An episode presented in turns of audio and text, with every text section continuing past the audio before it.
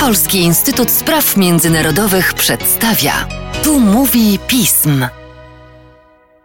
W podcaście Polskiego Instytutu Spraw Międzynarodowych witam Państwa Łukasz Jasina. Tym razem te odgłosy, które Państwo słyszycie, to nie nasza wina i to nie jest wina niechlujności pismu, tylko polowości naszych działań. Otóż nasz korespondent, czyli bohater dzisiejszego podcastu i jego komentator, Arek Legieć, jest w tej chwili w Erewaniu. Albo gdzieś pod Erewaniem. Powiedz dokładnie, gdzie jesteś. Cześć, Arku. Dzień dobry, jestem w tej chwili w centrum Erywania. Właśnie. Ale nie będzie to radio ormiańskie, czy też radio Erewan, jak to się w Polsce kiedyś mówiło. My powiemy prawdę Państwu, bez ironii i bez wszystkiego. Arku, jak wygląda sytuacja po wczorajszych wyborach parlamentarnych w Armenii?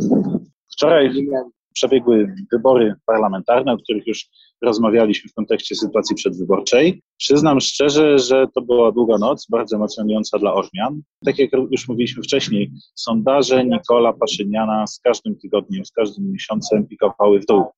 Z kolei jego przeciwnicy polityczni na czele z Robertem Kaczarianem, na czele z Gekikiem Corypianem, Serżem Sarkisianem, Arturem Wenecjanem, oni zyskiwali na sile i wydawało się, że ta władza, kwestia utrzymania władzy przez Paszyniana, że to może być faktycznie poważnym wyzwaniem. Pierwszy sondaż, jaki, taki bardzo nieoficjalny, do którego udało mi się dotrzeć, ukazał się wczoraj po zamknięciu lokali wyborczych po godzinie 20, niejako potwierdzał tą tezę, bo pokazywał, że partia Roberta Kaczariana, Ormiański Sojusz, zdobyła około 40%, a Paszynian zdobył około procent 20. Wówczas do parlamentu, zgodnie z tamtym sondażem, miały się jeszcze dostać Partia Kwitnąca Armenia oraz Sojusz Mon Honor, co w zasadzie stawiałoby pod ścianą Nikola Paszyniana, ponieważ sam nie byłby w stanie mieć wystarczającej liczby mandatów w parlamencie do, do, do stabilnych rządów, ani też nie miałby w zasadzie żadnej zdolności koalicyjnej, bo żadna z tych partii nie była nią zainteresowana.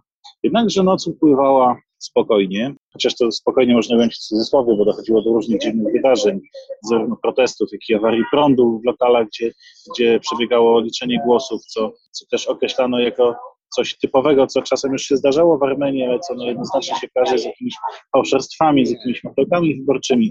No jednakże, kiedy już zaczęły spływać protokoły wyborcze z poszczególnych komisji, to nagle okazało się, że te przewidywania, że Paszynian jest słaby, że Paszynian nie ma poparcia, że Paszynian przegrywa z opozycją, że one są zupełnie nietrafione, bo niemalże wszystkich komisjach, niemalże wszystkich miastach głównych, niemalże wszystkich prowincjach Armenii zwyciężył Nikol Paszynian, jego partia, mowa społeczna.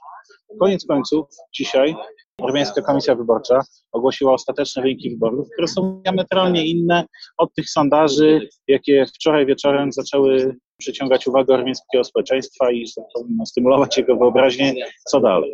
Zgodnie z wynikami frekwencja wyborcza wyniosła 49%, więc jest to podobny poziom jak w przypadku wyborów parlamentarnych w roku 2018.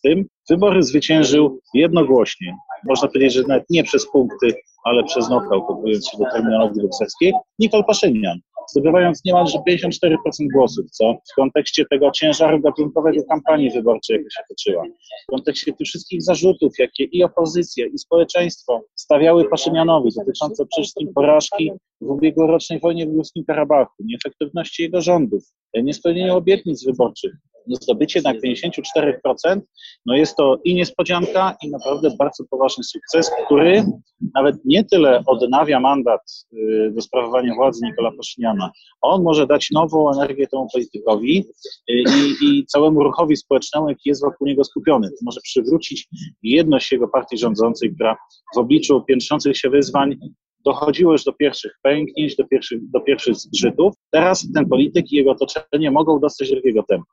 No ale kto poza Paszynianem znalazł się w parlamencie? No drugie miejsce zajął już wspominany wcześniej Robert Koczarian i jego sojusz ormiański, wspólnie, tworzony wspólnie z Armiańską Federacją Rewolucyjną, Daszczak Sucjon, którzy zdobyli 22%. No jeżeli spojrzymy na ten wynik z perspektywy dzisiejszej, no jest to na pewno rozczarowanie, bo te sondaże, te trendy, jakie były przed wyborami, no mogły dawać nadzieję Kaczarianowi nawet nie na lepszy wynik, ale w ogóle na zwycięstwo w tych wyborach.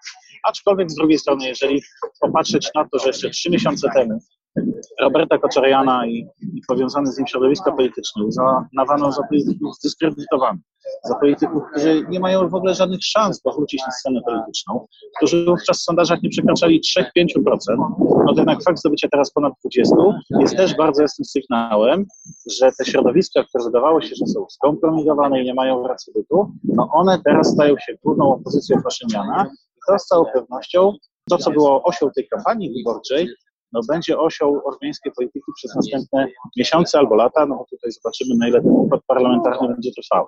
I są to w zasadzie dwie jedyne partie, które przekroczyły próg wyborczy, aczkolwiek ordynacja wyborcza w Armenii, która jest w tym roku dosyć specyficzna, ona zakłada, że w parlamencie muszą być przynajmniej trzy partie.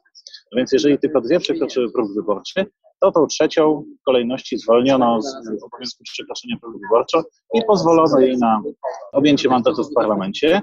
I tą trzecią partią jest koalicja Mój Honor, tworzona przez trzeciego prezydenta Armenii Serża Sarkisiana, wspólnie z Arturem Wenecjanem, też omawialiśmy to w poprzednim podcaście, co to są za ludzie, jakie są założenia tego sojuszu.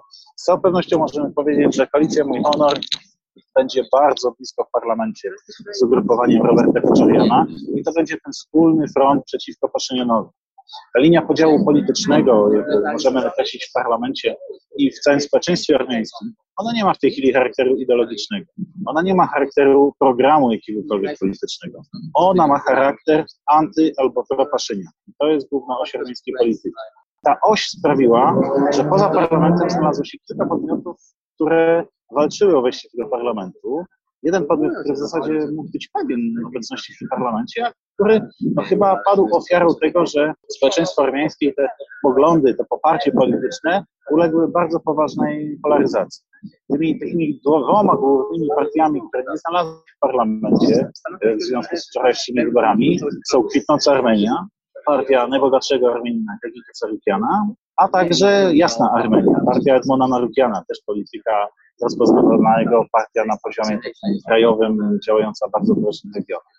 To wszystko sprawia, że nie tyle może to chodzi do przeobrażenia na armeńskiej scenie politycznej, no bo Nikolowi Paszyninowi udało się utrzymać w jakimś dużym stopniu to poparcie, jakie zgarną w 2018 roku i w dalszym ciągu może te swoje idee rewolucyjne posuwać do przodu. On wręcz powiedział, że te wybory to będzie kolejna rewolucja dla nich, będzie stalowa rewolucja, która będzie miała już na dobre pchnąć Armenię naprzód, która będzie miała ugruntować te ideały, jakie Paszynian chce wdrożyć armeńskiemu społeczeństwu. To jak Paszynian chce zmienić myślenie o Armii. Ale ta cała układanka została dopełniona przez ten czynnik, którego przez ostatnie trzy lata brakowało w armeńskiej polityce, a więc przez klan karabachski, przez Dasznaków, których nie było w parlamencie, a którzy teraz wracają i mimo, że nie będą rządzić, to będą jedyną opozycją i opozycją bardzo silną, która z całą pewnością w dużo większym stopniu, w sposób bardziej brutalny i zdecydowany, będzie punktowała Paszyniana, niż miała to miejsce dotychczas. To z całą pewnością należy określić jako takie największe wyzwanie o charakterze wewnętrznym dla tego polityka, no bo z perspektywy zagranicznej, no to oczywiście pamiętamy o problemach bezpieczeństwa Armenii związanych z sytuacją na granicach z Azerbejdżanem, problemach w relacjach z Rosją, ogólnymi problemami natury społeczno-ekonomicznej. To są wszystko te wyzwania, które stoją przed Paszynianem. Z całą pewnością nie możemy powiedzieć, że sytuacja polityczna w tej chwili się uspokoi, czy, czy wręcz zrobi się trudna. W dalszym ciągu będziemy mieli do, do czynienia z bardzo silną rywalizacją tych dwóch obozów, Paszyniana i antypaszyniana i z całą pewnością, może czasem dla, za szkodą dla Armenii, ale będziemy się temu musieli przyglądać bliżej. Przede wszystkim będziesz się temu przeglądał ty. Kolejny podcast o Armenii. Już jak wrócisz do Polski, bezpiecznego powrotu Ci życzymy bardzo mocno. Dziękujemy za to, że znalazłeś chwilkę czasu na ulicy Rywania. Dziękuję z przyjemnością. Pozdrawiam.